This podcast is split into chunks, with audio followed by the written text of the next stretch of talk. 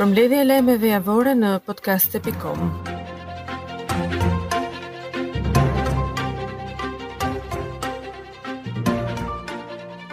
Një incident ka ndodhur në seancën e sotme të kolegjit zgjedhor, ku pritet numërimi i 18 kutive të bashkisë së Kuçovës për zgjedhjet e 14 majit. Kandidati i koalicionit të Bashkë Fitojmë, Lefter Maliqi, është përplasur me përfaqësuesin e Komisionit Qendror të Zgjedhjeve, Ylli Merkaj në seancë u dëgjua kur Maliqi ofendon Merkajn duke e quajtur atë rrugaç dhe hajdut.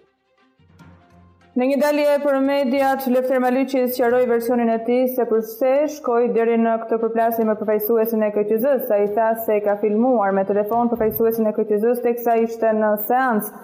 Sipas tij, ai nuk është thirrur si dëshmitar dhe nuk kishte përse të ishte i pranishëm. Lefter Maliqi u shpreh se e bëri videon që ta ketë si provë. Nisma Thurje do të dorëzojë në KQZ kërkesën për ndryshimin e sistemit zgjedhor. Gjatë fjalës së tij kreu i Nismës Thurje theksoi se do të mbledhë firmat në të gjithë vendin duke shtuar se me hir apo me pa hir sistemi zgjedhor në vend do të ndryshojë. Kryeministri Edi Rama paralajmëroi spastrime nga kadastra si dhe rritje të konsiderueshme pagash për këtë institucion. Gjatë fjalës së tij ai bëri thirrje për aplikime të profesionistëve të cilët do të punësohen në kadastër. Presidenti i Republikës Bajram Begaj, kryeministri Edi Rama, kryetarja e Kuvendit Lindita Nikolla, si dhe drejtues të tjerë të shtetit dhe politikës, kanë uruar të gjithë myslimanët me rastin e Kurban Bajramit. Përmes urimeve të veçanta, ata theksojnë domosdoshmërinë për më shumë solidaritet në shoqërinë tonë. Çështja e mandatit të ministres së Jashtme Olta Xhaçka u diskutua sot në Komisionin e Ligjeve. Pala Socialiste kërkoi të martën rimarrjen në shqyrtim nga Këshilli i Mandateve. Ermonela Felaj dhe Klodilda Bushka sugjeruan që vendimet e Gjykatës Kushtetuese që detyrojnë Kuvendin të dërgojë në këtë gjykatë për shqyrtim mandatin e Xhaçkës t'i dërgojnë për shqyrtim në Këshillin e Rregullores së Mandateve dhe refuzuan propozimin për futjen direkt në seancën plenare të këtij vendimi. Këshilli i Lartë i Prokurorisë miratoi të martën me 27 qershor me 10 votat e anëtarëve të pranishëm projektaktet për renditjen e kandidatëve për tre pozicionet vakante në Prokurorinë e Tiranës, ku në të tre rastet e para në listë u rendit prokurorja e Vlorës, Eranda Felaj, ajo është motra dhe familjare e katërt e deputetes socialiste Ermonela Felaj, e cila pritet të emërohet në Prokurorinë e Tiranës. Në kuadër të pjesëmarrjes në takimin e nivelit të lartë të procesit të bashkëpunimit të vendeve të Evropës Juglindore, presidenti i Republikës Bajram Begaj zhvilloi takime dypalëshe me presidentin e Bullgarisë Rumen Radev dhe ministrin e Jashtëm të Turqisë Hakan Fidan. Gjykata e posaçme ka lënë në fuqi masën e sigurisë për 20 trafikantë të arrestuar në kuadër të operacionit nga bregu në breg, ku u zbulua se si trafikohej heroinë dhe kanabis nga Turqia dhe Siria për në Shqipëri dhe më pas drejt vendeve të Bashkimit Europian. Ndërkohë është lënë në arrest shtëpie Suela Sulaj.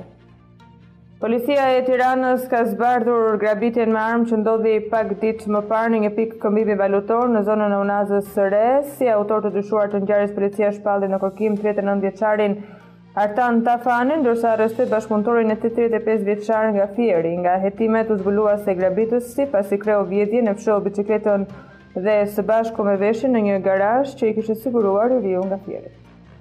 Një tridhjetë vjeçar nga Tirana është vënë në pranga pasi merrej me transport dhe shpërndarje të lëndës narkotike të përpunuar. Ai kamuflohej si shofer furgoni për transport të qytetarëve Tiranë Klos Tiranë, ndërsa transportonte lëndë narkotike.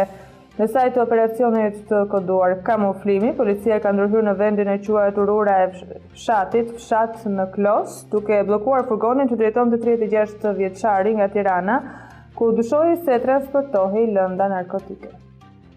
Ka përfunduar faza e 22-të e megaoperacionit Territori i Pastër, ku u asgjësuan 271 bimë narkotike të llojit Cannabis sativa në disa zona të qarkut të Tiranës. Lajmin e ka bërë të ditur policia përmes një njoftimi, ku thuhet se në operacion morën pjesë 213 forca policie dhe u përdorën 12 dronë. Një pesëdhjetë e shtatë vjeçar nga Kukësi përfundoi në prangat e policisë pasi mashtroi duke regjistruar në gjendjen civile 21 vite më parë si vajzën e tij një fëmijë që nuk ekzistonte, kjo me qëllimin e vetëm që të përfitonte një pension më të lartë bazuar në ligjin e asaj kohe. Ai u zbulua pasi në vitin 2021 u paraqit sërish në gjendjen civile dhe raportoi këtë fëmijë sikur kishte vdekur me qëllim çregjistrimin e saj. Lidhur me rastin, policia u vendos menjëherë në lëvizje dhe pas hetimeve disa mujore konstatoi se vajza nuk ka ekzistuar asnjëherë.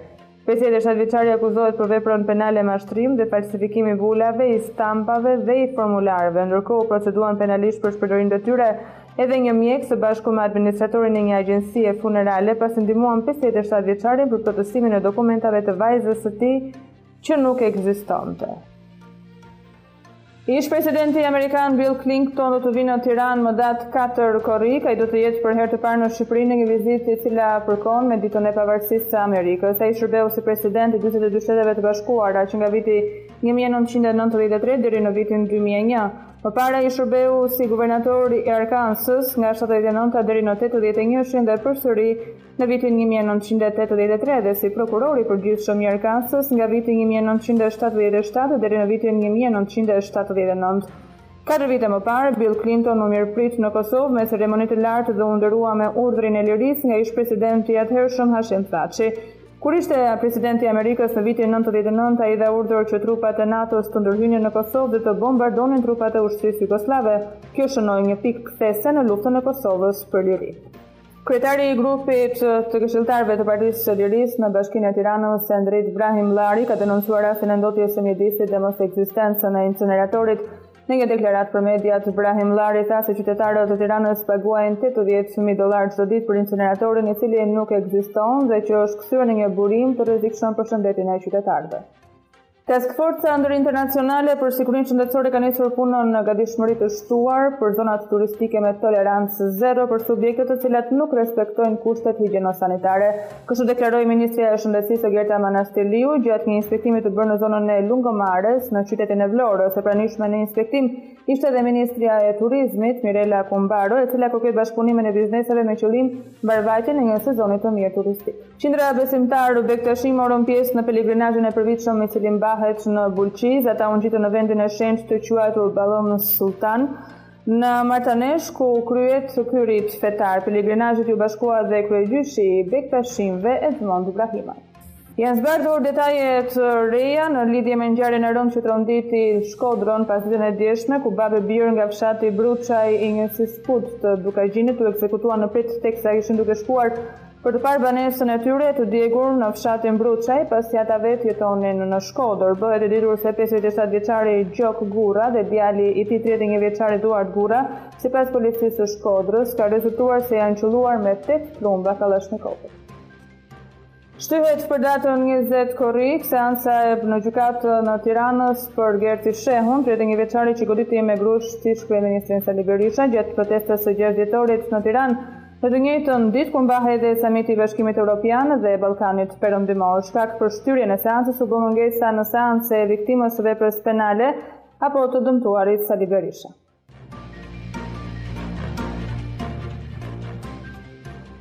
Ndoqët përmbledhjen e lajmeve javore në podcast.com.